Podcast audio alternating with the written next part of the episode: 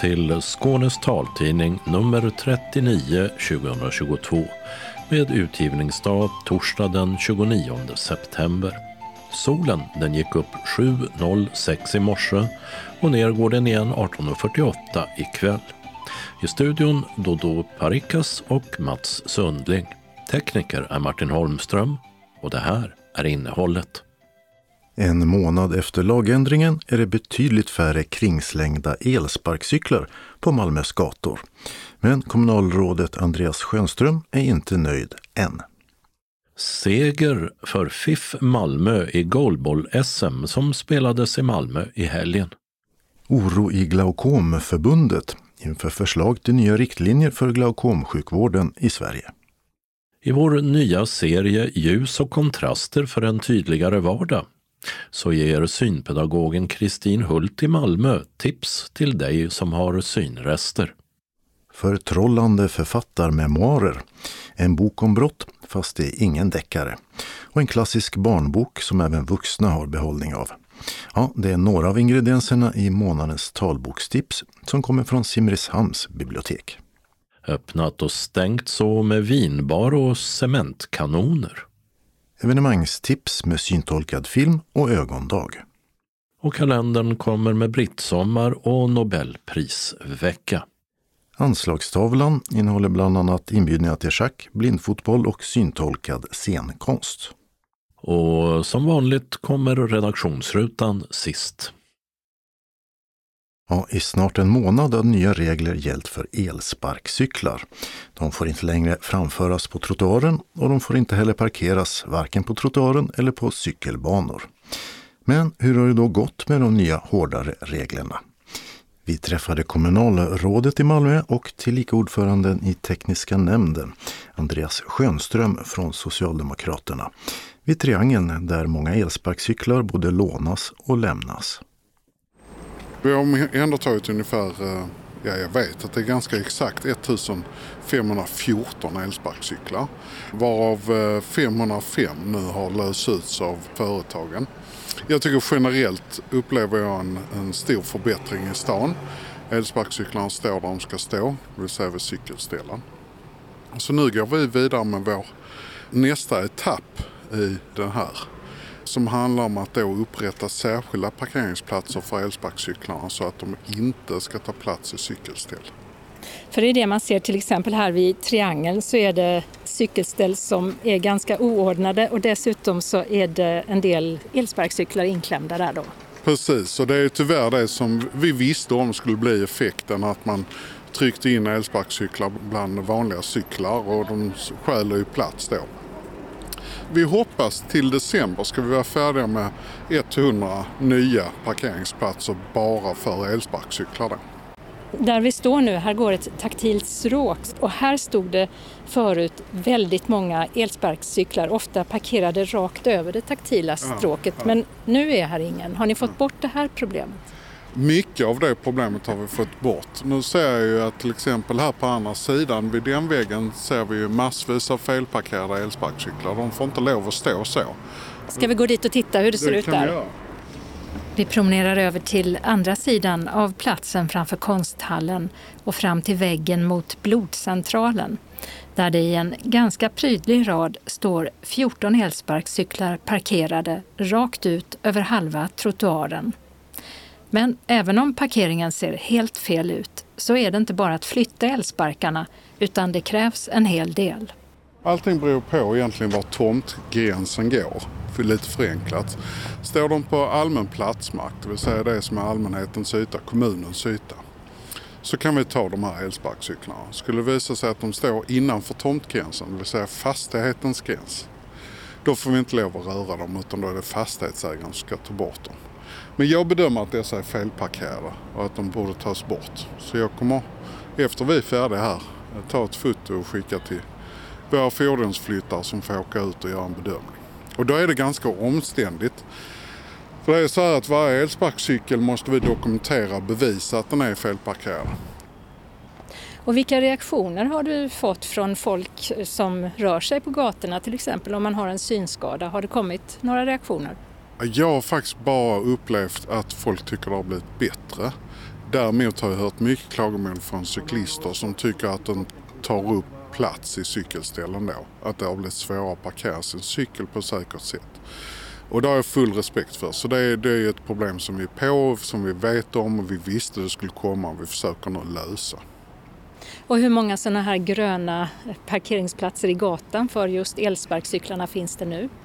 Eh, just nu finns det bara en på prov och den står här borta vid Triangelstationens eh, södra uppgång där då.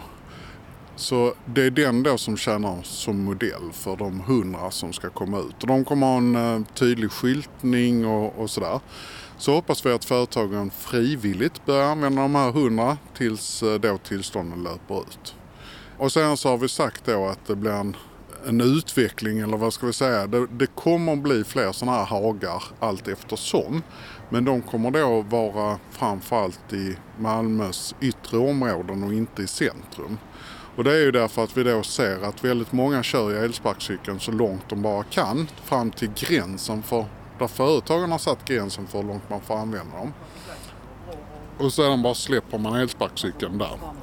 Så vi har ju kluster av många elsparkcyklar runt om i stan. Och då är tanken att vi sätter upp sådana här hagar. Och eh, att man då kan köra fram till den hagen och parkera dem där ordningsamt då istället för att de ska ligga huller om buller någonstans på vägen. Är du nöjd? Var det så här du tänkte det skulle vara efter eh, en knapp månad? Jag måste nog säga att jag, vad är det man brukar säga? Stolt men inte, inte nöjd.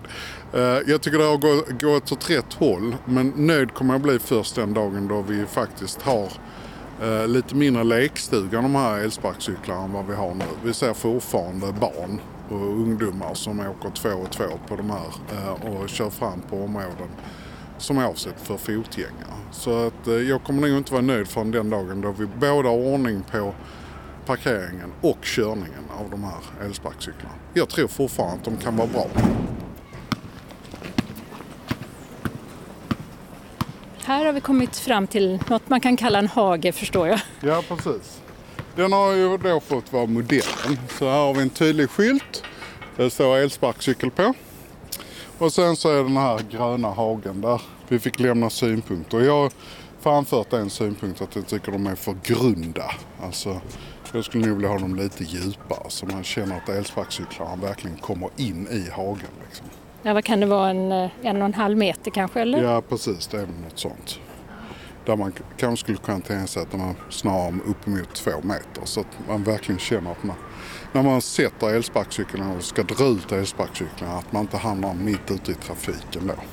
För här står, de flesta står inne i den men sen står det ja. tre stycken utanför. Ja, men eh, jag skulle nog vilja säga att detta är fullt acceptabelt om man jämför med hur cyklarna är parkerade här runt om oss som står lite varstans. Var det än finns en stolpe att låsa fast cykeln i så har man gjort det.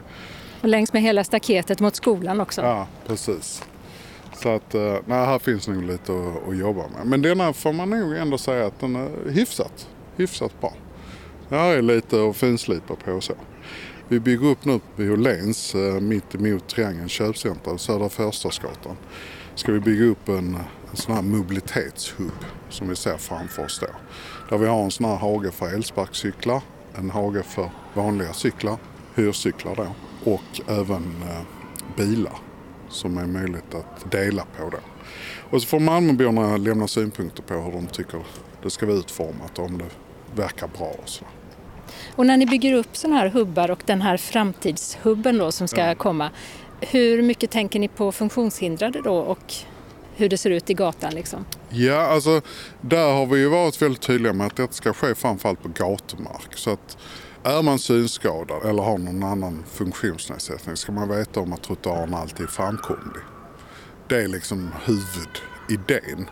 Sedan måste man ju klart se till att om man ska korsa gatan att den här hubben och så är att man i varje fall kan lokalisera sig förbi hubben. Jag tror inte det någonsin kommer bli möjligt att passera hubben på ett säkert sätt utan assistans.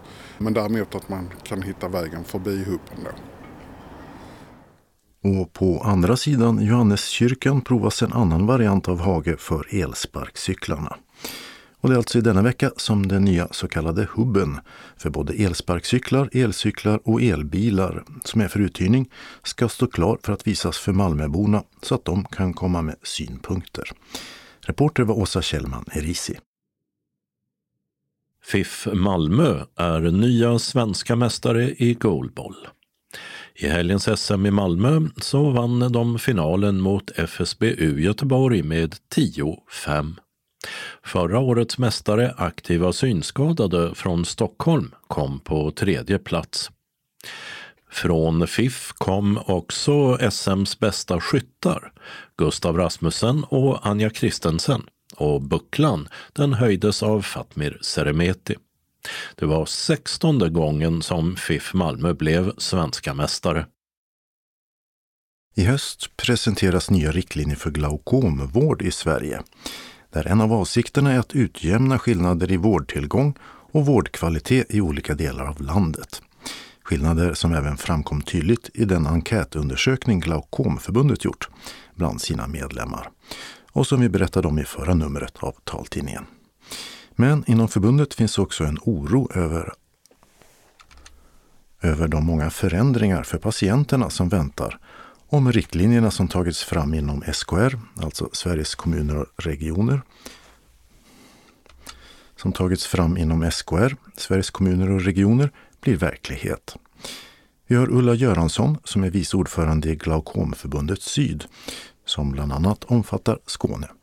Egentligen så vill vi se vår medlemsenkät tillsammans med det förslag får man väl fortfarande säga då till lite förändrade riktlinjer för glaukomvården. De riktlinjerna ska ju sedan godkännas av respektive region. Men det är en hel del nyheter i dem som vi är till del oroliga för och som är tydliga förändringar. Man kan säga att man betonar ju bland annat patientansvaret i dem. Och det jobbar vi ju med genom att vi vill utbilda våra medlemmar till att ta sig tid att sätta sig in i sin diagnos och veta vad man ska fråga om och vad man kan kräva.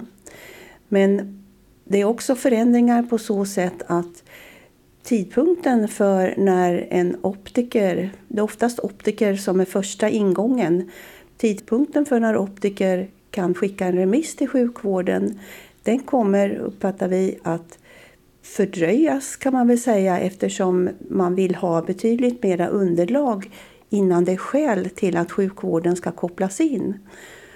Och det där har ju att göra med naturligtvis att man har, upplever man från vårdens sida, fått många onödiga remisser från optiker idag. Det här förutsätter ju att optiker eller optometrister skulle jag mycket hellre vilja säga därför att för att kunna göra en sån fullständig undersökning med synfält så krävs det ju både utbildning och kompetens och erfarenhet och inte minst utrustning hos optikersidan. Och man hör ju ofta att optiker mest vill sälja glasögon men här krävs det ju optiker som verkligen är intresserade av ögonhälsan och har kunskap om glaukom. Där är vi ju mycket fundersamma. Därtill kommer ju att idag kostar det nästan 1000 kronor att göra en sån fullständig undersökning hos en optiker. Och eh, då kommer ju kostnadsbilden in i detta också. Det talas ju ingenting om i de här nya riktlinjerna. En annan förändring är också att man höjer nivån för när remiss ska skickas in till sjukvården. Man mäter ju ögontrycket som idag ligger någonstans mellan 21 och 22 millimeter kvicksilver som det uttrycks i. Och där då ribban höjs till 25 millimeter kvicksilver. Vi är ju lekmän och det får man ju ha väldigt stor respekt för, kan inte professionen. Men vi vet ju också att idag finns det inget nationellt kvalitetsregister. Vilket ju innebär att eh, man har alltså inte inrapporterat resultatet från de olika ögonklinikerna till någon central enhet så att man verkligen har en statistiskt säkerställd bild för detta med ögontryck. Och vi vet ju då att det är väldigt individuellt det här ögontrycket och vi är många som ligger långt under 22 med glaukom idag. Och när det gäller kontroller och uppföljning så visar Glaukomförbundets enkät också vikten av att ögonsjukvården har koll på ärftlighetsfaktorn i samband med glaukom. Där har det ju visat sig, vad vi tycker förvånande, att bland våra medlemmar så har 48 procent andra släktingar som också har glaukom. Och bland våra medlemmar betyder det att det är en stor skara av kanske då barn, barnbarn som måste gå på sådana här kontroller med regelbundenhet. Kommer de att ha råd att göra det? Kommer de att bry sig att göra det? Det som är så speciellt med glaukom är ju att man märker inte själv när synen blir sämre. Utan man måste gå på de här kontrollerna och har du väl fått en skada, en glaukomskada i ditt synfält så kan du inte återfå den. Det är därför det är så oerhört viktigt med kontinuiteten i de här kontakterna och tidig upptäckt. Men hur pass oroade är ni? Ja, det handlar ju om hur vården och optikersidan möter upp kring det här. Kommer man att sätta en agenda som ger trygghet både vad gäller kompetens på optiker och optometristsidan skulle jag vilja säga. Att det finns sådana mottagningar och att det kostnadsmässigt blir rimligt att eh, kunna göra detta. Det sa Ulla Göransson, vice ordförande i Glaukomförbundet Syd. Hon har bett om ett förtydligande av en uppgift i intervjun i föregående nummer. När hon sa att 40 procent av medlemmarna som svarar på enkäten har över sju månaders väntetid vid kontroller. Korrekt var att 40 procent inte kallats i tid. Och att av dessa så hade mer än 40 procent väntetider från sju månader och till över 12 månader. Eftersom förlorat synfält inte kan återfås är det viktigt att kontrolltiderna hålls, avslutar hon. Reporter var Dodo Parekas. I eh, en serie i fyra delar på temat ljus och kontraster för en tydligare vardag ska Kristin Hult berätta om vad som kan underlätta för personer med synrester att se så mycket det går. Kristin har varit arbetsterapeut i Malmö och synpedagog på synenheten i Lund. Nu är hon pensionär, men Skånes taltidning har bett henne dela med sig av tips på hur man kan använda sig av ljus och kontraster för att få en tydligare vardag. I den första delen berättar hon bland annat om betydelsen av ljusa ytor. Efterhand som min syn försämrats, för det gör den ju, jag är född med glaukom, har väldigt litet synfält kvar, så eh, har jag märkt hur stor betydelse ljus och kontraster har i min vardag. Är det ljust och eh, bländfritt och eh, bra kontraster så klarar jag mig bra. Men är det mörkt och, eller väldigt bländande eller eh, dåliga kontraster så måste jag ha hjälp. Och det är väl det som har drivit mig då att, att berätta för omgivningen, för det är inte så väldigt lätt för alla att förstå det här ju. När man ser och när man inte ser. Det är ju tydligheten som vi behöver, vi som ser dåligt. Och det är många andra som tycker det är bra. För, för idag är ju vår omgivning väldigt otydlig på många sätt. Det är mycket glas i husen och det är mycket som är grått och glas och omarkerat. Och det gör det ju jättesvårt att orientera sig. Men det jag tänkte prata om här det är ju vad kan vi göra själv? Vi som ser lite grann i olika grad vi kan ju påverka vår egen vardag så att säga, där, där vi bor själv. Vad kan vi göra för att underlätta? Ja, och nu är vi här i din trevliga lägenhet högt upp i ett höghus i Malmö. Um, vad är det du har gjort här då för att skapa en tydligare vardag för dig själv? Ja, för mig själv så, så jag har valt väldigt ljusa färger på, på väggar. Jag har en och annan fondvägg för att jag tycker det är roligt med färg. För jag ser faktiskt färger väldigt bra och det har jag god nytta av i min vardag.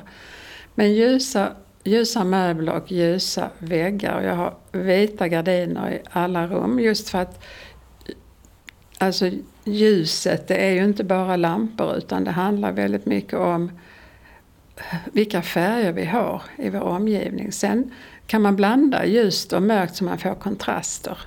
Och det har jag försökt att göra också med till exempel jag har svarta fåtöljer men, men björk i de flesta möblerna som är ljust. Och har man väldigt mörka möbler så kan det ju vara kanske svårt att byta ut liksom sina möbler för man har haft dem i massor med året. Men man kan kanske byta ut en matta, man kan byta ut så så man har ljusa gardiner. Och man kan eh, lägga över något tyg över en ljusare tyg om man har en väldigt mörk soffa eller så.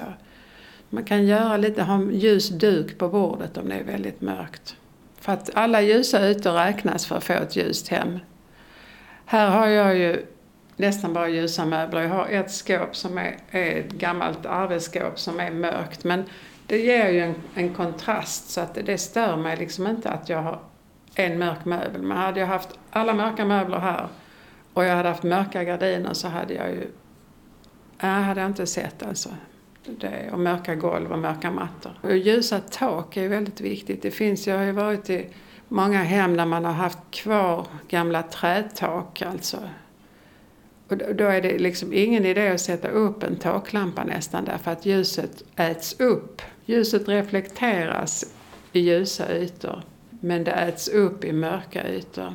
Jag gjorde mycket hembesök när jag, när jag var på synenheten i Lund. Och det var, då var det till exempel en gång jag kommer ihåg, det var en kvinna, hon hade glaukom just, och hon hade så svårt att se när hon åt. Så därför åkte jag hem till henne. Hon bodde i en gammal lägenhet med jättehögt i taket. Och det var centralt i Lund.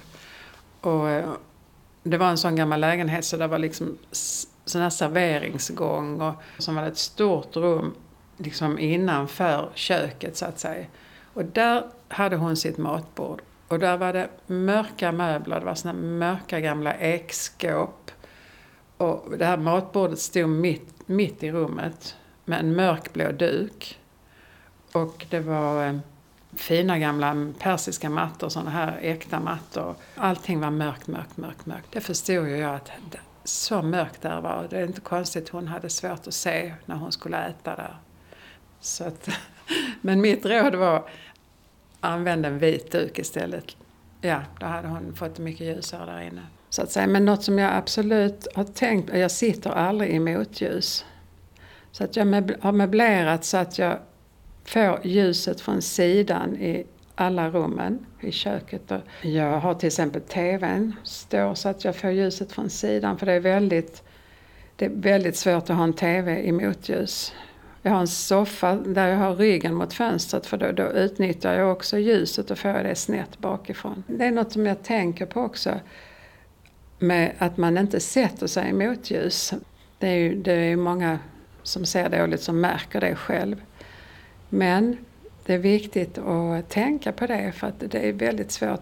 Det svaga ögat klarar inte att liksom urskilja föremål i ett motljus.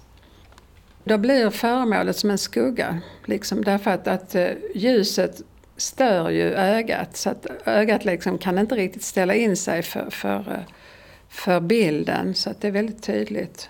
Vad menar du när du säger motljus?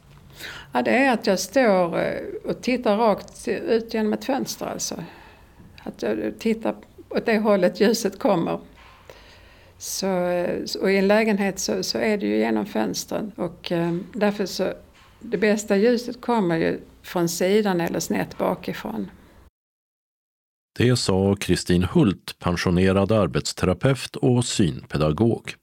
I nästa del av vår serie om ljus och kontraster för en tydligare vardag så ska hon prata om lampor.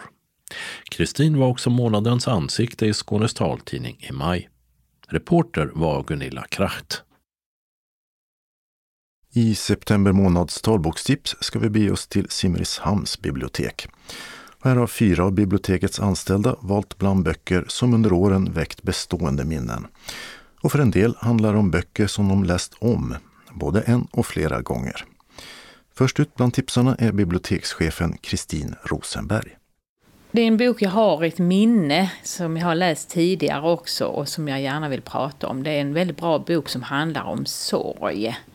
Och eh, det är många människor som har erfarenhet av det så det känns bra att läsa om det. Och det är en mycket, mycket duktig författare också med ett fint språk. Boken Ett år av magiskt tänkande av Joan Didion är en talbok med text. Speltiden är 6 timmar och 48 minuter och inläsare är Kerstin Andersson. Då får du berätta om boken. Det handlar ju då som sagt om ett sorgeår. Didion, författaren, hon är ju en mycket känd och hyllad författare och journalist i USA. Och hon drabbas av att hennes make dör väldigt hastigt i en eh, hjärtattack. Och de har varit gifta i 40 år, så det är naturligtvis en stor chock. Och det är nyårsafton 2003. De har precis satt sig vid bords i sin stora lägenhet i New York. Och plötsligt så slutar hennes man prata. Han har dött i en hjärtattack. Och alla upplivningsförsök misslyckas och Didion då börjar inse att hon måste fortsätta sitt liv ensam. Samtidigt så ligger deras gemensamma dotter Quintana på sjukhuset och de har varit och hälsat på henne samma dag. Och det är naturligtvis en chock för hon är mycket, mycket sjuk. Och I den här berättelsen så, så rör sig eh, Didion med väldigt lätt hand mellan olika episoder i deras långa liv tillsammans. Det är vänner som kommer och går och hur de arbetar tillsammans. De reser och hela Quintanas uppväxt. Och allt detta varvas då med beskrivningar av hur hon hanterar sorgen och saknaden efter den man hon har delat så många år med. Ett år av magiskt tänkande är på samma gång hjärtskärande och saklig när hon i backspegeln försöker förstå den tid som följer då efter sin makes död. Berättelsen den rör sig så naturligt mellan olika tidsplan och platser så skapar den därmed liksom ett liv som är så väldigt, väldigt lätt att fascineras av. Vad hände med dig själv när du läste den här boken? Fick du själv några sådana här tankar? Jag tänker med tanke på pandemin och allt som har varit nu. Ja, så alla människor har erfarenhet av sorg och den här boken gör att man själv reflekterar över hur man reagerar på sorg och hur man kan tänka och hur man då i och med sorgen också reflekterar över sitt liv. För det blir en kombination mellan att man, man sörjer och att man då tänker över sitt liv bakåt. Och det är det Didion så väl beskriver i boken att sorgen vävs ihop med hela livet. Så det är nog de tankarna jag tar med mig efter att ha läst den här boken. Nu så har det kommit in en ny person som ska berätta om en bok här. Vad heter du? Jag heter Sara Meijer och jobbar på Simrishamns bibliotek. Eh, och vad är det för bok du har valt? Jag har valt en ungdomsbok faktiskt. Tordyveln flyger i skymningen av Maria Gripe. Men det här är en bok som har många år på nacken. Den, den kom faktiskt som radioföljetong först.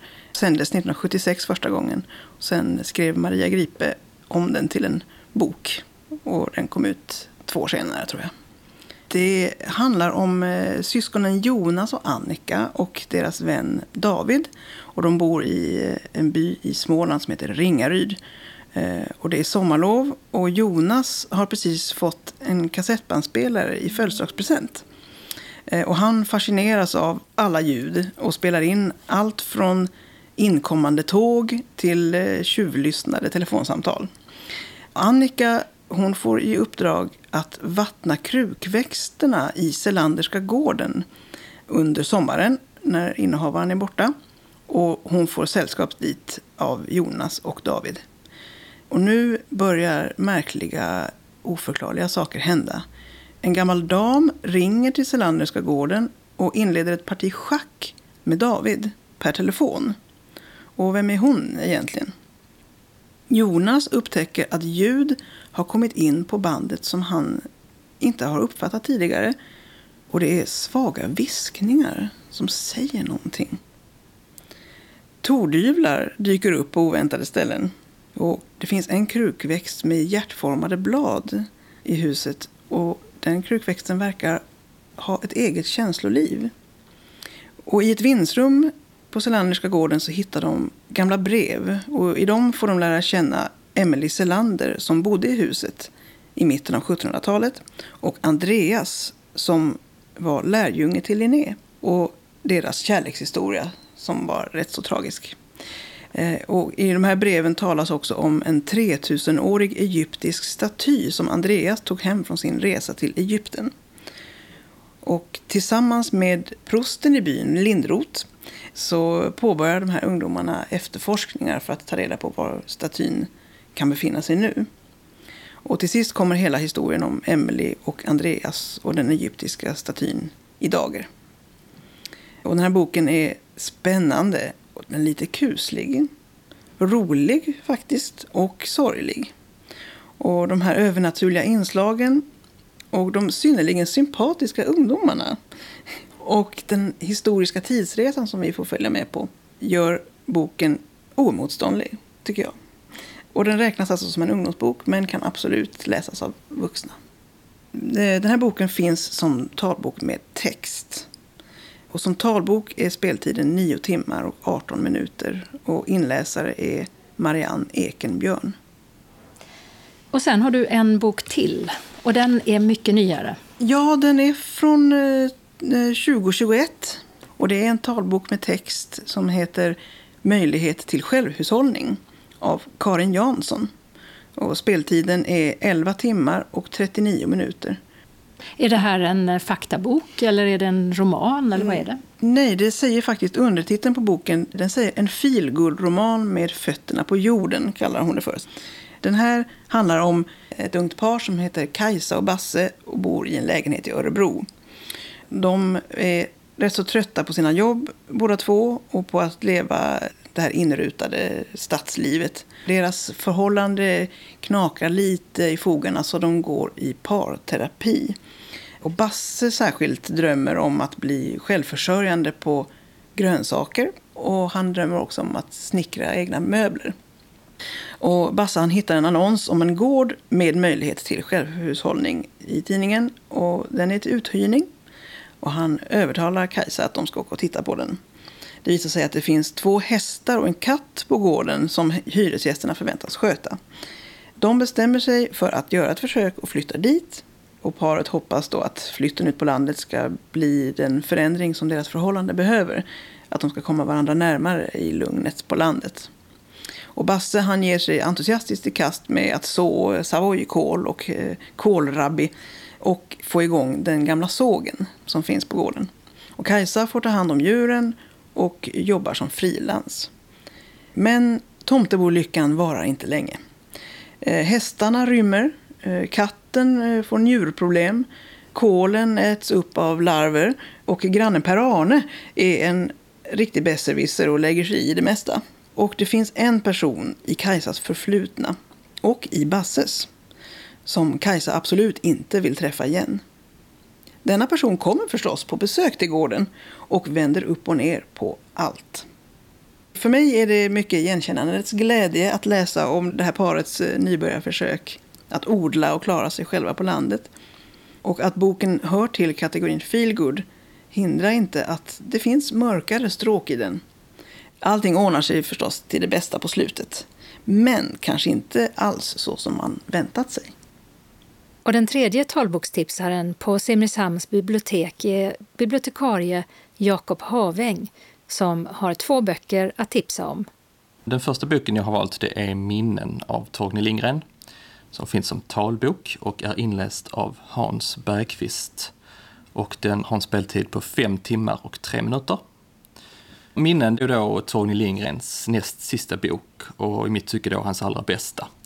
Om man som jag älskar Torgny Lindgrens böcker så är hans memoarer en måste-läsning. Helt oumbärlig faktiskt. Det var så att Torgny uppmanades ofta genom åren av olika förläggare på olika tidpunkter att skriva ner sina memoarer. Men problemet var, att och det försökte han också förklara för sina förläggare, att han ansåg sig inte ha några minnen. Han litade helt enkelt inte på sitt minne, eller på minnet. Trots detta lyckades sen då eh, författaren och till sist övertalas om att skriva ner sin levnadshistoria, om än på sitt eget lite eh, säregna speciella Lindgrenska vis. Formen känns igen från hans tidigare romaner och hans prosa liknar ingen annan i sin komplexa enkelhet. Lösryckta drömmar flyter ihop med förrädiska minnesfragment och hallucinationerna är svåra att skilja från det som faktiskt ägt rum. Är det skröna eller verklighet? Man lämnas som läsare aldrig i någon riktig visshet utan eh, man famlar hela tiden. Ändå slås jag när jag läser Tony Lindgren av hur fantastiskt enkelt det är att kliva in i hans unika språkvärld. Eh, sanningen är kanske svårfångad, men, men Torgny han är, är inget annat än övertygande i sin berättelse. Hans prosa den är kristallklar och helt fulländad. Det finns inget onödigt, överflödigt. Han lyckas på något vis med konststycket att han ger sina meningar och berättelser både ett djup och ett allvar och samtidigt behåller han eh, någon slags grundläggande humor och lätthet i sina berättelser. Och han gör det allt i en enda dubbeltydig, mångbottnad mening. Han är språket och stilistikens mästare och han lyckas i den här boken fånga några bestående livsavgörande ögonblick av sitt liv som också säger någonting om hur det är att vara människa. Men några minnen är det inte tal om utan i hans memoarer når han någon slags formmässig fulländning. Hela hans författarskap, författarens hela väsen och livsåskådning, det kokas liksom ner till sin renaste form. Minnen, det är helt enkelt en ren läslycka för en tågälskare. Ja, det hörs verkligen att du har tyckt om den. Ja. Hur många gånger har du läst den? Eh, kanske ett tiotal gånger skulle jag tro. Och den håller för att läsa tio gånger? Det är en sån bok som man kan liksom gå tillbaka och läsa stycken av. Alltså, det är inte så att jag läser kanske hela, det gör jag också, men ofta kan jag liksom komma i tanke om någon, något stycke ur boken eller ett kapitel kanske. Så går jag tillbaka och läser det för att jag tycker det är så fantastiskt. Bara språket liksom. Och, men både det att det finns ett djup och liksom en lätthet och ett humor. Alltså det är både roligt samtidigt som det han menade på fullaste allvar. Och det vet jag ingen annan författare som lyckas med. Och nästa bok som du har valt? Ja, då har jag valt eh, eh, Brott av Ferdinand von Chirac. Som eh, också är en talbok inläst av Bengt Renfors och den är på 5 timmar och 23 minuter. Det intressanta med Ferdinand von Chirac är att han är en av Tysklands allra största författare och har haft stora internationella framgångar men han har aldrig slagit igenom i Sverige. Det är enbart genom ett Lindelöfs, ett väldigt litet förlag, som han finns att läsa på svenska. Och eh, hans författardebut Brott innehåller då 11 korta berättelser om just brott, men det är absolut ingen deckare. Den här boken handlar istället om, eh, inte om brotten i sig, utan om människorna bakom brotten, om offren, om förövarna. Och så rör sig i bakgrunden den här försvarsadvokaten då. Och i brott så skildras bland annat hur en omtyckt och respekterad läkare efter 40 års äktenskap slår ihjäl sin fru med en yxa hur en beskedlig man tar eh, livet av två stycken nynazister med väldig precision och en lovande cellist dränker sin bror av barmhärtighet. Ehm, och alla de här brotten då, de skildras väldigt nyktert och medkännande sätt och handlingarna framgår som lite mer begripliga. Och även den vidrigaste av alla handlingar får liksom fler dimensioner. Efter 20 år som advokat i Berlin bestämde sig författaren då von Chirac att eh, dela med sig av sina erfarenheter i novellform och debuterade som författare först vid 45 års ålder. Och sen dess har det blivit flera kritiker rosade och hyllade novellsamlingar kring liknande teman som skuld och straff. Och alla böcker har samma liksom stilrena, enkla språk och är nästan dokumentära i sin form. Och även om berättandet är väldigt avskalat så, så är det aldrig förenklat. Och det von Chirac gör så bra är att han kan liksom med sparsmakat språk andas liv i historien och skildra karaktärer med ett psykologiskt djup som ingen annan författare jag läst. Och det är helt enkelt väldigt stor berättarkonst. Och det sista boktipset det kommer från bibliotekarien Johanna Ekström. Det är vinternoveller av Ingvild H. Rishöj, den norska författaren. Och det är en talbok med text och speltiden är fyra timmar och två minuter och inläsare är Camilla Bard. Det här är tre noveller och jag blev alldeles golvad av dem när jag läste dem för några år sedan. Och hon har blivit otroligt hyllad både i Norge och även nu i Sverige sen hon kom ut med denna. Och det gemensamma med alla de här tre novellerna är att de handlar om klass, om barn i social utsatthet och hur man kämpar i, i uppförsbacke om man föds in i en låg klass. Trots att alla ju borde födas med samma förutsättningar. Detta är självklart ganska tunga och drabbande liv att läsa om, men Ingvild hon skildrar en enorm medmänsklighet som ger oss hopp i alla tre novellerna. Och det är det som jag tycker gör hela den här novellsamlingen så briljant. Att trots tunga ämnet så finns det hopp, eh, både i deras liv och i språket. Hon vill inte utse några syndabockar genom att säga att det finns onda eller goda, utan hon vill skildra vanliga människor som gör rätt ibland och fel ibland. I den första novellen som heter Vi kan inte hjälpa alla möter vi en ung mamma vars dotter kissar på sig ute i den kallaste vintern. Hon har inga pengar till att gå in och köpa nya trosor eftersom de nyss gått förbi en tiggare som de gett pengar. Trots att de inte har några egentligen, men de gav den sista. Så de har heller inte råd med bussen hem. Men de måste ju ha ett par nya trosor eftersom det är så kallt. Och mer än så vill jag inte avslöja eftersom novellerna är relativt korta. Men vi får i alla fall en inblick i hur familjesituationen blivit som den blivit. Det viktigaste jag vill ha sagt är att den empati som Ingvild H. Rishöj hyser för sina medmänniskor smittar läsaren. Jag känner otroligt starkt för karaktärerna och det är detta som gör boken till något utöver det vanliga. Och jag vill även tipsa om hennes senaste roman då, som heter Stargate, en julberättelse. Som även den finns som talbok. Och den här boken den eh, är lite äldre, men trots det så du minns den sen du läste den. Verkligen. Jag läste den 2019, vintern där, så det är inte så gammal. Men det är en av dem jag tipsar mest om här på biblioteket. Och så håller du dig för hjärtat. Ja. den är väldigt fina människor som skildras och får ta plats i litteraturen. Sist hörde vi Johanna Ekström. Och de andra tipsarna från Simrishamns bibliotek var Kristin Rosenberg, Sara Meijer och Jakob Haväng. Reporter var Åsa Kjellman Erisi.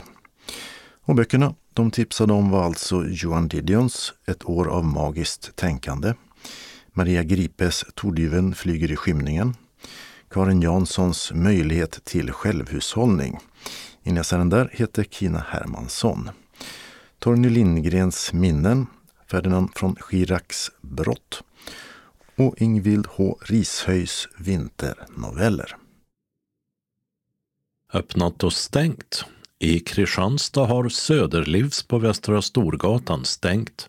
Butiken vräktes, bland annat på grund av uppgifter om narkotikalangning. I Ystad öppnar vinbaren Timans i stationshuset den 1 oktober.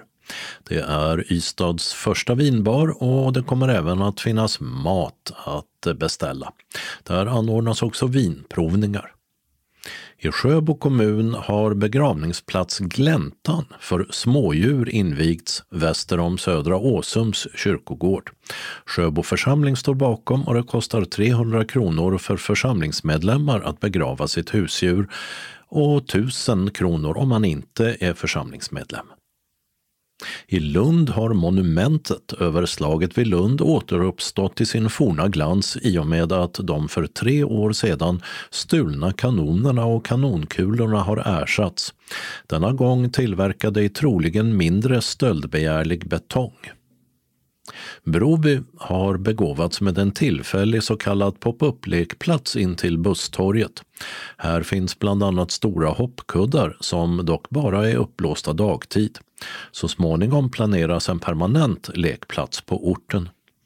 Och i Skurup har kaféet Mat och Gott på gågatan stängt tills vidare. En skylt utanför talar om att det är på grund av de höga elpriserna. Adress Stora Torggatan 5. Evenemangstipsen börjar med en syntolkad film som går på bio och också ska finnas i strömmande form och på DVD. Det är det animerade dramat Var är Anne Frank? i regi av den Oscarsbelönade Ari Folman.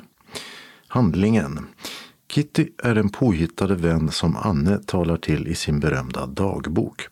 Hon kommer till liv i museet som en gång var familjen Franks gömställe.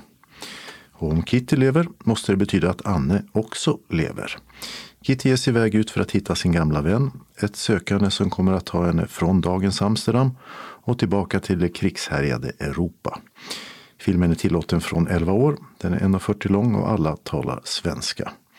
Syntolkningen sker som tidigare genom till exempel appen Movietalk som man laddar ner till sin smartphone.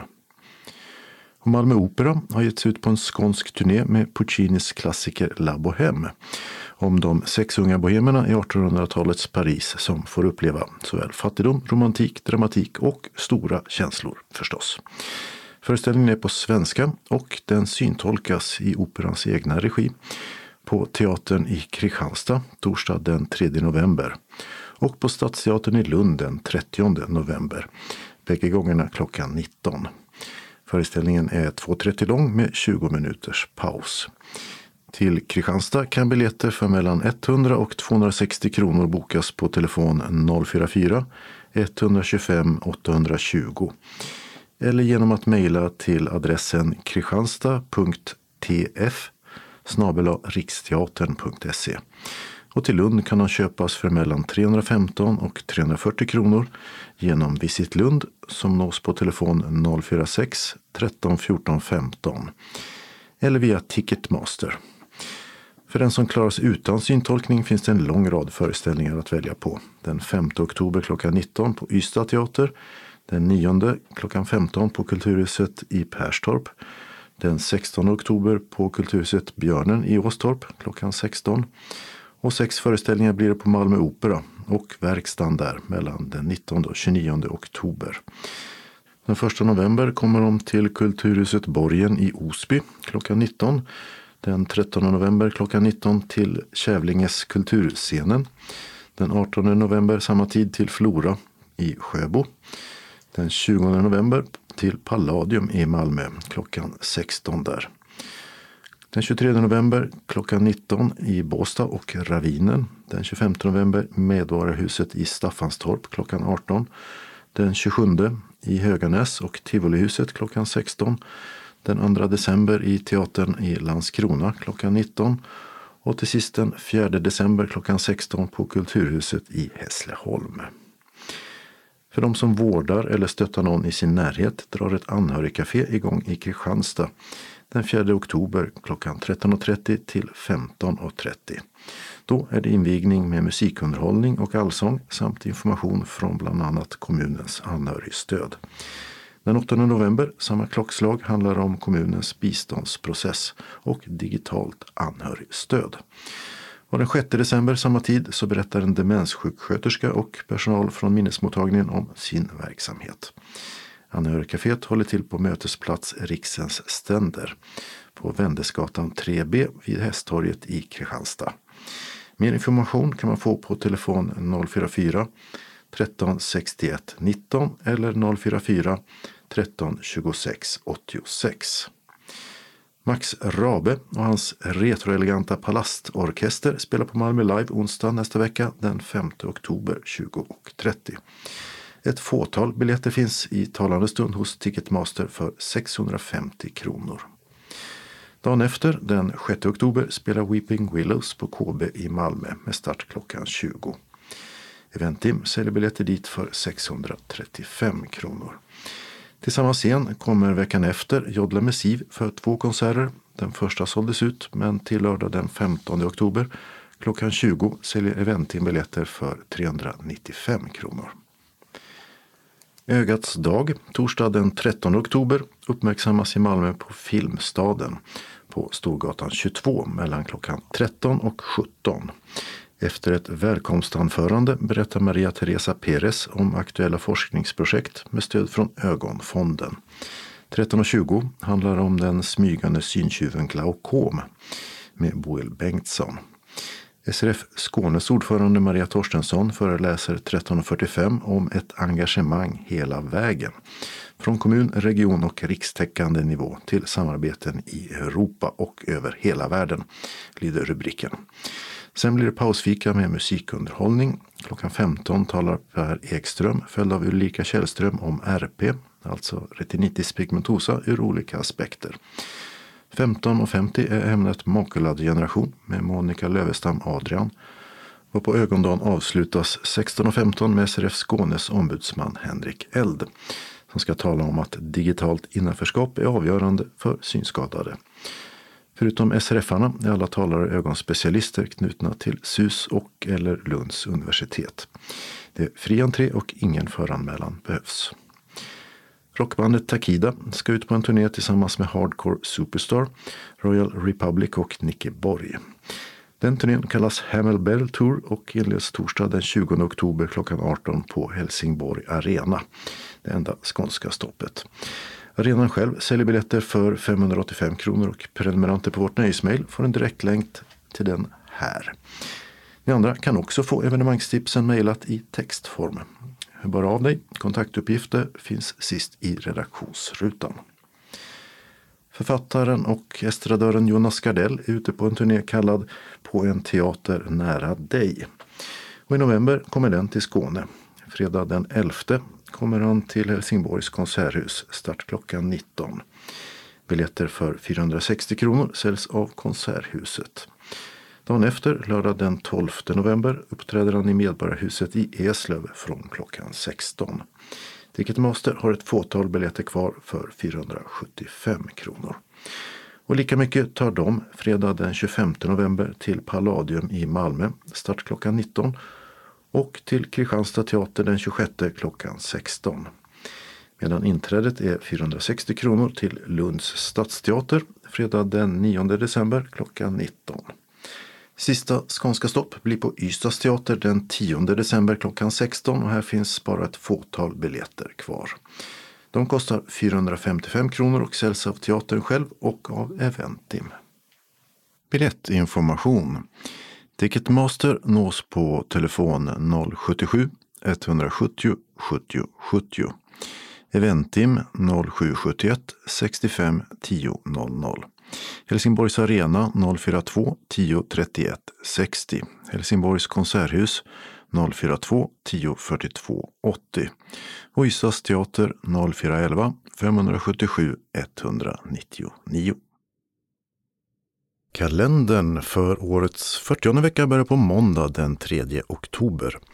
Det är den internationella barndagen och det har gått precis ett år sedan den skånske konstnären Lars Vilks omkom i en bilolycka tillsammans med sina livvakter han hade på grund av dödshot.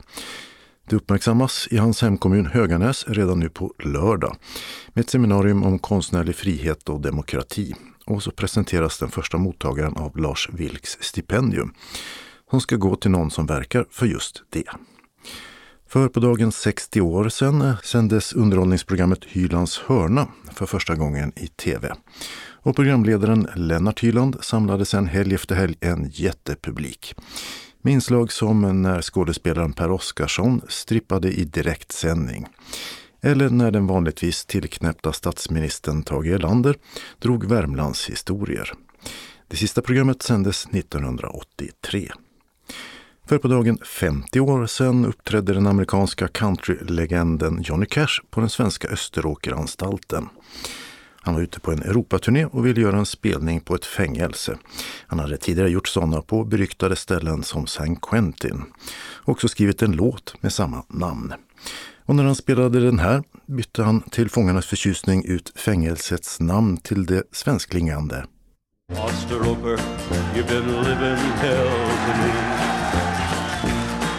You've galled at me since 1963 I've seen them come and go and I've seen them die. And long ago I stopped asking why. Osteroper, what good do you think you'll do? Do you think I'll be different when you're through? You've been my heart and mind and you warped my soul And your stone walls turn my blood a little cold och samma oktoberdag föddes en nutida svensk artist. Sångaren och skådespelaren Martin Stenmark, kanske mest känd för sin seger i Melodifestivalen 2005. Namnsdag har Evald och Osvald. Tisdag den 4 oktober har Frans och Frank namnsdag.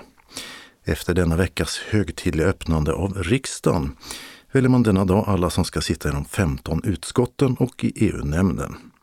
Utskotten har på respektive område ansvaret för att förslag från regeringen och riksdagsledamöterna, alltså propositioner och motioner, blir till beslutsförslag eller betänkande som alla riksdagsledamöter sedan fattar beslut om i plenum. I Uppsala domkyrka är det dags för kyrkomötets högtidliga öppnande med kungen, drottningen och kronprinsessan på plats. För 65 år sedan skickade Sovjet upp världens första satellit Sputnik i en bana runt jorden. Så nära att den kunde ses från marken när den passerade. Att kommunistiska Sovjet blev först i rymden startade en rymdkapplöpning med USA som 12 år senare fick bli först med en man på månen. Det är djurens dag som vill uppmärksamma frågor om djurskydd och djurrätt. Den uppmärksammas i ungefär 40 länder och datumet valdes för att det är djurens skyddshelgon Franciscus av Assisis helgondag. Och enligt branschorganisationen Hembakningsrådet så är det kanelbullens dag. Onsdag den 5 oktober är det Bror som har namnsdag. För judarna är det Jom Kippur eller försoningsdagen, den viktigaste helgen på året. Torsdag den 6 oktober firar vi Jenny och Annika. Och det här är också veckan när vem som vunnit olika Nobelpris tillkännages. Redan på måndagen är medicinpriset först ut, som alltid. Sen följer fysik och kemi och klockan 13 denna dag slås dörrarna upp för att berätta vem som får årets Nobelpris i litteratur. Och skådespelerskan och förra Bondbruden Britt Ekland fyller 80 år. Fredag den 7 oktober spelade svenska damlandslaget i fotboll landskamp mot Spanien. Avspark 20.30. Fyra dagar senare spelar de landskamp mot Frankrike. Denna gång på hemmaplan. SVTs programledare André Pops fyller 50 år medan fotbollslegenden och senare kommentatorn Ralf Edström fyller 70. Och lika mycket fyller en man på allas läppar idag. Rysslands president Vladimir Putin. Namnsdag har Birgitta och Britta och det är den heliga Birgitta som avses förstås. Om vädret är vackert denna dag så sägs det bero på hennes böner. Blir vädret fint en längre tid kan det till och med bli fråga om en brittsommar. Lördag den 8 oktober är det namnsdag för Nils. För i dagarna 50 år sedan gick Volvo ihop med den holländska biltillverkaren DAF. Vilket resulterade i några Volvo-modeller med remdrift. Och för 50 år sedan gick också Skandinaviska banken ihop med Stockholms Enskilda Bank och blev Skandinaviska Enskilda Banken, en storbank som nu kallar sig SEB. Söndag den 9 oktober är det presidentval i Österrike.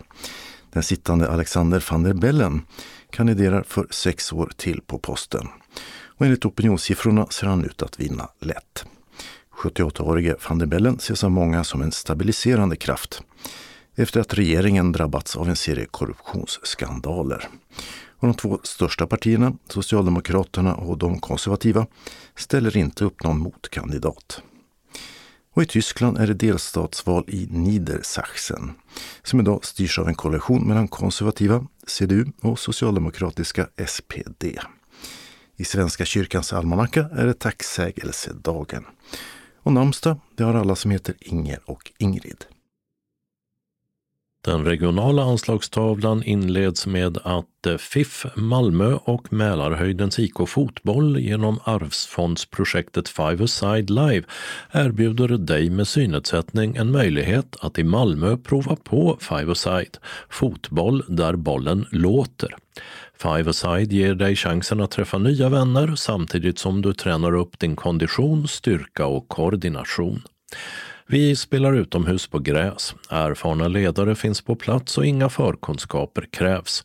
Ta bara med lämpliga gympakläder och skor, vattenflaska, varm jacka, glatt humör och ledsagare vid behov. Vi välkomnar alla åldrar men anpassar givetvis övningar och gruppindelning efter deltagarnas förutsättningar och önskemål.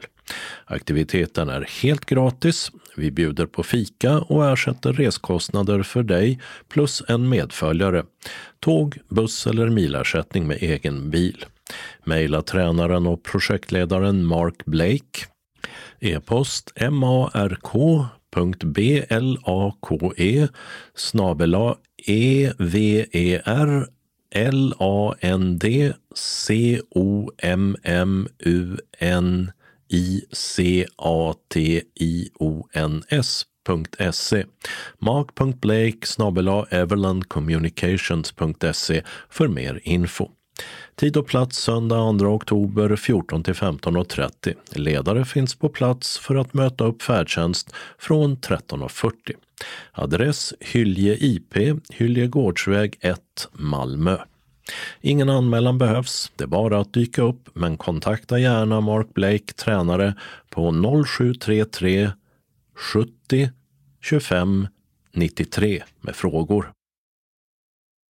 Så ett meddelande från Skånes synskadades schackklubb. Har ni funderat på att spela schack som synskadad? Nu när pandemin är över håller Skånes synskadades schackklubb på att starta upp verksamheten igen. Vi hoppas på att det finns synskadade ute i Skåne som är intresserade av att prova på schack. Blir du nyfiken och vill veta mer? Kontakta då vår ordförande Mikael Haraldsson för mer information. Telefon 0705 62 6287 eller e-post mikael.haraldsson polarprint.se och Haraldsson stavas med två s. SRF Skåne inbjuder till en föreställning av operan La Bohème onsdag 30 november på Stadsteatern i Lund. Vi träffas 18.00. Föreställningen börjar 19.00 och varar i två och en halv timme inklusive paus. Beskrivning Sex ungdomar lever bohemliv i 1800-talets Paris. En poet, en konstnär, en filosof, en musiker, en sömmerska och en sångerska. De har stora tankar om de sköna konsterna och den romantiska kärleken och drömmer om ett liv där de kan älska och skapa i frihet. Men den grå verkligheten ser inte riktigt ut som deras rosenskimrande luftslott. De får ingenting sålt och är i själva verket luspanka. De bor torftigt och kallt. Hur ska de få pengar till mat och hyra? De korta stunderna av inspirerat skapande, nyförälskelse och lyckligt festande får snart ge vika för livets realiteter och den tragedi som oundvikligen närmar sig. Medverkande Magnus Lindegård, David Risberg, Ella Morin, Elin Eriksson, Sebastian Duran och Staffan Liljas samt Tigran Hakobian. Observera att vi har ett begränsat antal biljetter. Pris 305 kronor om vi blir tio betalande, annars 340. Vänta med betalningen tills du fått bekräftelse. Där kommer biljettpris att framgå.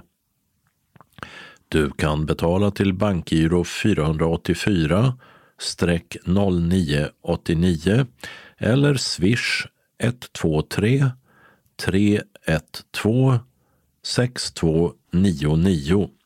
Glöm ej att skriva ditt namn och bohem. Vill du ha inbetalningsavis så säg till när du anmäler dig. Boka färdtjänst till Stadsteatern Lund, Kiliansgatan 13 för ankomst 18.00. Hemresa cirka 21.45. SRF Skåne står för era reskostnader efter att kvitton inkommit, dock senast tre månader efter genomförd aktivitet samt endast inom Skåne. Bor du utanför Skåne betalar SRF Skåne endast för kostnaden från länsgränsen. Anmälan sker till SRF Skåne telefon 040 777 75 eller e-post skane srf.nu. Anmälan är öppen mellan måndag 3 oktober och fram till 12.00 fredag 14 oktober. Vid anmälan ange om du har egen ledsagare med dig eller om du behöver ledsagare från SRF som du då får dela med någon annan av oss. Bekräftelse skickas ut efter sista anmälningsdag. Biljetter delas ut på plats. Observera att om du har frågor eller blir försenad med färdtjänsten den 30 november så ring Maj-Britt Ryman 070 324 66 09 och du blir aldrig lämnad ensam innan din bil har kommit och hämtat dig. Välkommen hälsar SRF Skåne, arbetsgruppen Kultur. SRF Malmö Svedala hälsar välkommen till en teaterföreställning av Hedda Gabler som syntolkas på Intiman, Östra Rönneholmsvägen 22 i Malmö tisdag eh, 15 november 19.00 med samling 18.15. Föreställningen är två timmar och 30 minuter lång. Handling. Är du ett kontrollfreak? Vill du ha makt över din omgivning? Tycker du inte om att kompromissa? Om du dessutom tycker om att leka med pistoler har du mycket gemensamt med generalens dotter Hedda Gabler. Nygift och redan uttråkad längtar hon efter frihet. En konstant storm pågår inuti henne men det syns inte utåt där hon ger sken av att ha full kontroll. I sin tristess dras Hedda in i en härva av svartsjuka och rivalitet som kommer att förändra allt. Till slut har hon bara en utväg kvar. Hedda Gabler är en av Henrik Ibsens mest spelade klassiker och ett psykologiskt drama om äktenskapets konventioner, sociala strukturer och människans motsägelsefullhet. Ordinarie pris 270 kronor. Betalning via bankgiro 192 9645 eller swish 123 077 80 50 senast 31 oktober. Skriv teater och namnet på deltagaren vid betalningen. Biljetter delas ut på plats. Vi har förbokat ett begränsat antal biljetter. Medlemmar från andra delar av Skåne är också välkomna. Och endast för medlemmar utanför Malmö utgår reseersättning som vanligt från SRF Skåne för resor utanför Malmö. Kvitto ska skickas in inom tre månader efter syntolkningstillfället. Anmäl dig till kansliet, telefon 040 25 05 40 eller e-post info srfmalmo.se senast måndag 17 oktober. Vid anmälan berätta om du behöver lur och eller ledsagning. Meddela även om du är i behov av inbetalningskort. För frågor ring Maj-Britt Ryman 0703 24 66 09. Hjärtligt välkomna önskar styrelsen.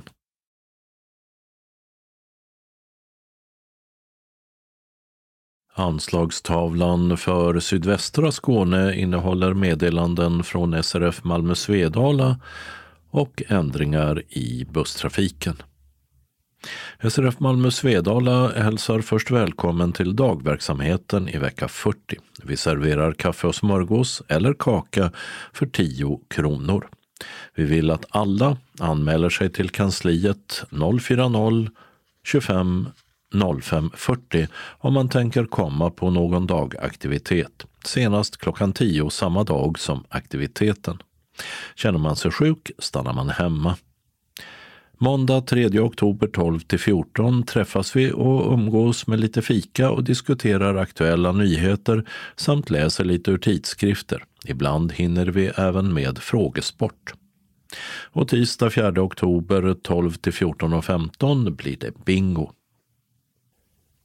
SRF Malmö Svedala hälsar även välkommen till sopplunch på föreningen Wendels Fridsgatan 13 i Malmö fredag 7 oktober klockan 13. Vi får besök av Roger Wittiko som berättar om sin tid på Tomtebodaskolan under 70-talet. Tomteboda var en blindskola där alla barn med grav synnedsättning gick förr i tiden. Den lades ner 1985. Vi bjuder på ärtsoppa och pannkaka och avslutar med kaffe. Är du medlem i SRF Malmö Svedala får du allt det här för 30 kronor. Icke-medlemmar betalar 50 kronor. Avgiften betalar man kontant på plats eller med swish 123 077 80 50. Färdtjänsthem kan beställas till 15.30. Vill du vara med så anmäl dig på telefon 040 25 05 40 eller e-post info snabel srfmalmo.se senast tisdag 4 oktober. Glöm inte att meddela allergi eller särskild kost vid anmälan. Varmt välkomna styrelsen.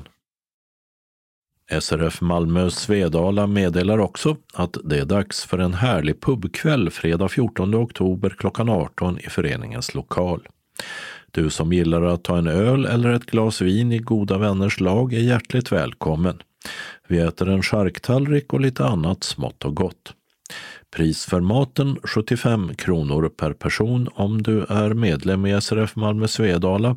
Övriga betalar 100 kronor. Dryck finns till självkostnadspris. Meddela vid anmälan om du vill ha alkoholfri öl eller vin så ordnar vi även det till självkostnadspris. Du betalar eh, för mat och dryck via Swish eller kontant på plats. Anmäl dig till kansliet senast måndag 10 oktober och glöm inte att meddela om specialkost eller allergi vid anmälan. Och så ytterligare ett meddelande från SRF Malmö Svedala som bokat biljetter till musikföreställningen Infruset på Malmö Live fredag 18 november klockan 19.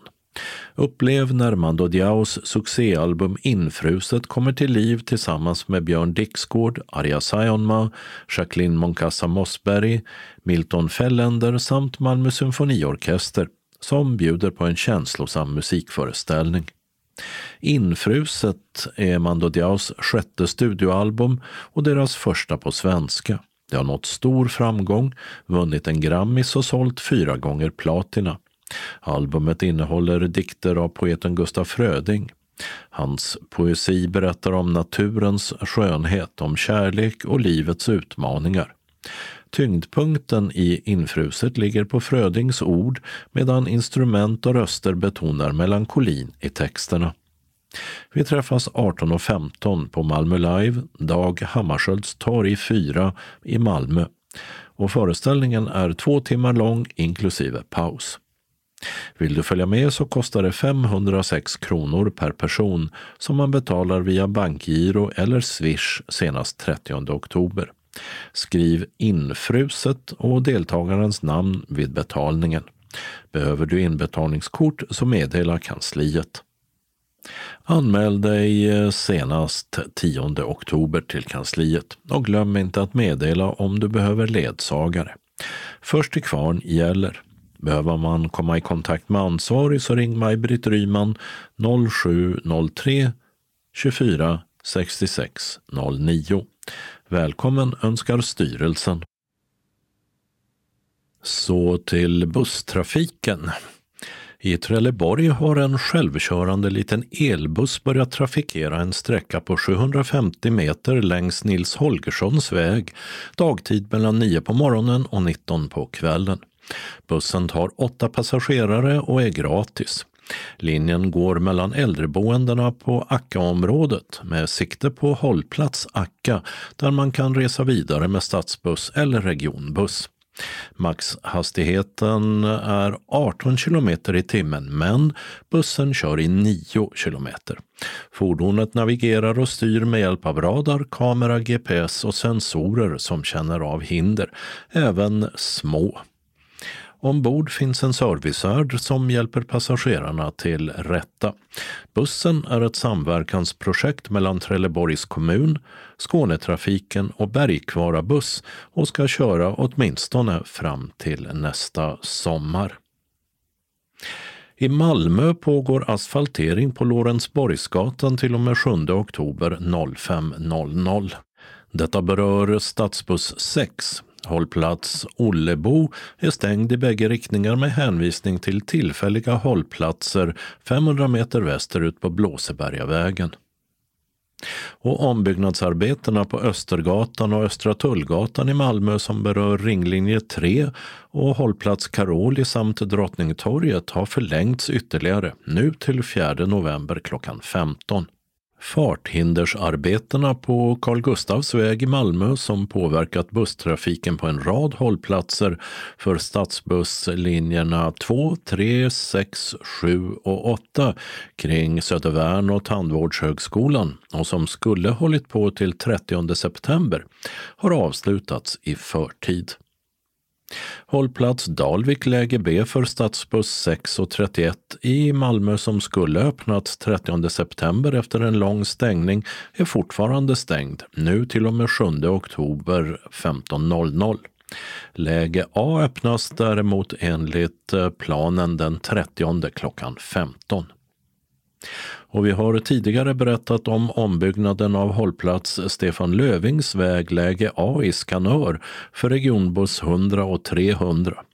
Nu är även läge B stängd med hänvisning till ett tillfälligt läge 90 meter framåt i bussens färdriktning. Samtidigt har den tillfälliga hållplatsen för läge A flyttats 20 meter närmare sin ursprungliga plats. Färdigt ska det fortfarande vara 7 oktober klockan 15. Och i Vellinge är hållplats Vellinge centrum stängd i bägge riktningar på grund av en vattenläcka. För läge A och linje 150 379 och närtrafik hänvisas till tillfällig hållplats på Malmövägen 250 meter västerut. Och för läge B gällande linjerna 150, 181, 379 och närtrafik finns tillfällig hållplats 250 meter västerut på Ängavägen. 30 september klockan 17 ska arbetet vara klart. Anslagstavlan för mellersta, sydöstra och norra Skåne innehåller meddelanden från SRF Kristianstad-Bromölla, SRF Lundabygden och SRF Västra Skåne. SRF Kristianstad-Bromölla inbjuder sina medlemmar till kamratträff onsdag 19 oktober 14 till 16.30 i Östermalmskyrkan, Lasarettsboulevarden 6. Vi träffas för en stunds spännande bingo, trevlig samvaro och naturligtvis en god fika på eftermiddagen. Anmäl deltagande till Anita Svensson 044 533 09 senast onsdag 12 oktober.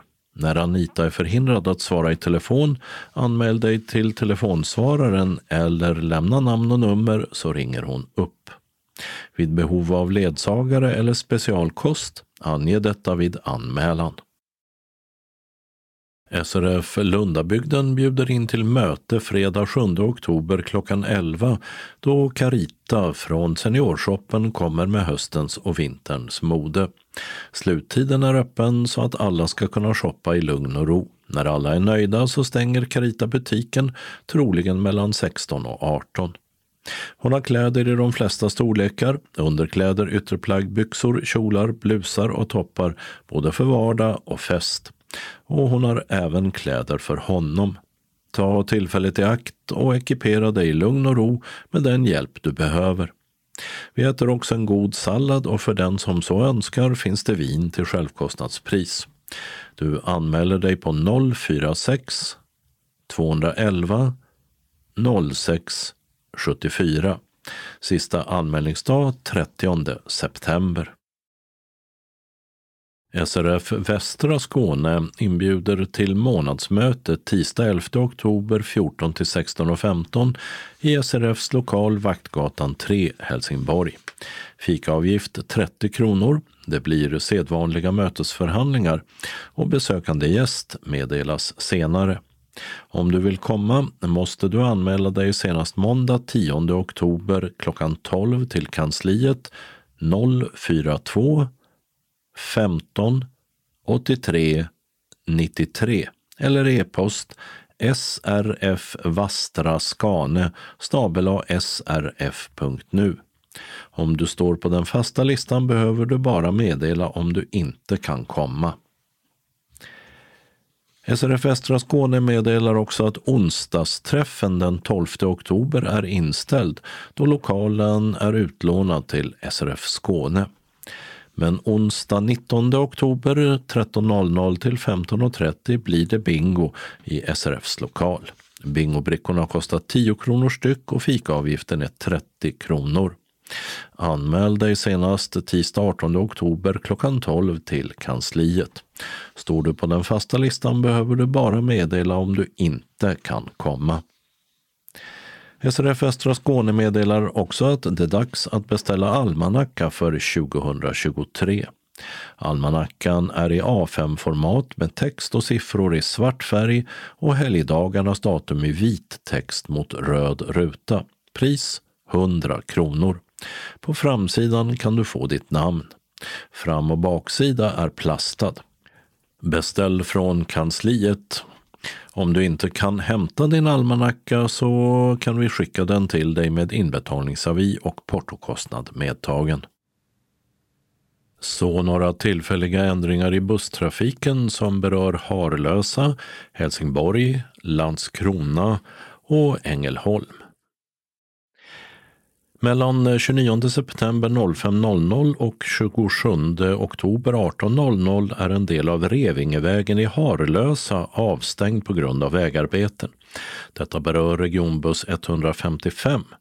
För hållplats Harlösa Väster, läge A och B hänvisas till Harlösa busstation, läge A, 330 meter åt öster på Stationsvägen.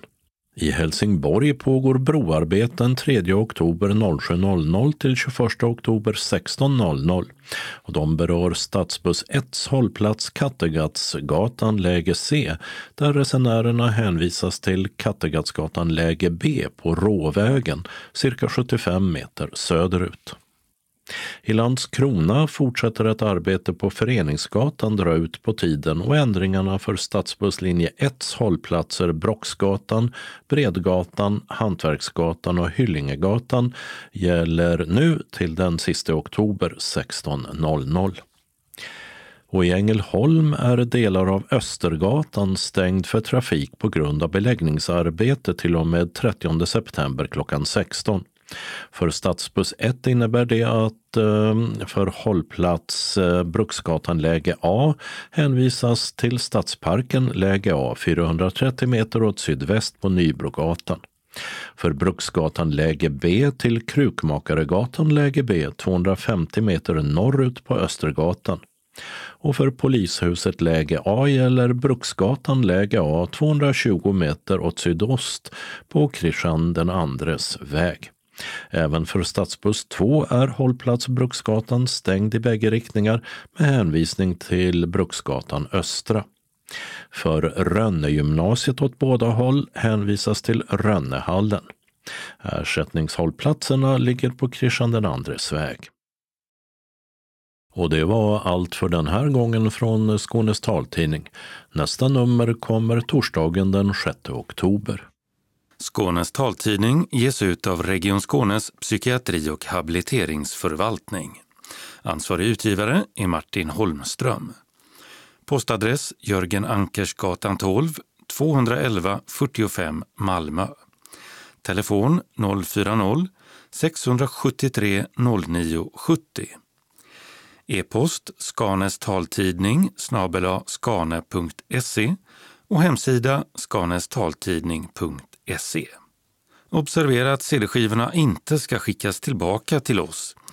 Såväl skivor som kuvert kan läggas i brännbara sopor när ni inte längre vill ha dem.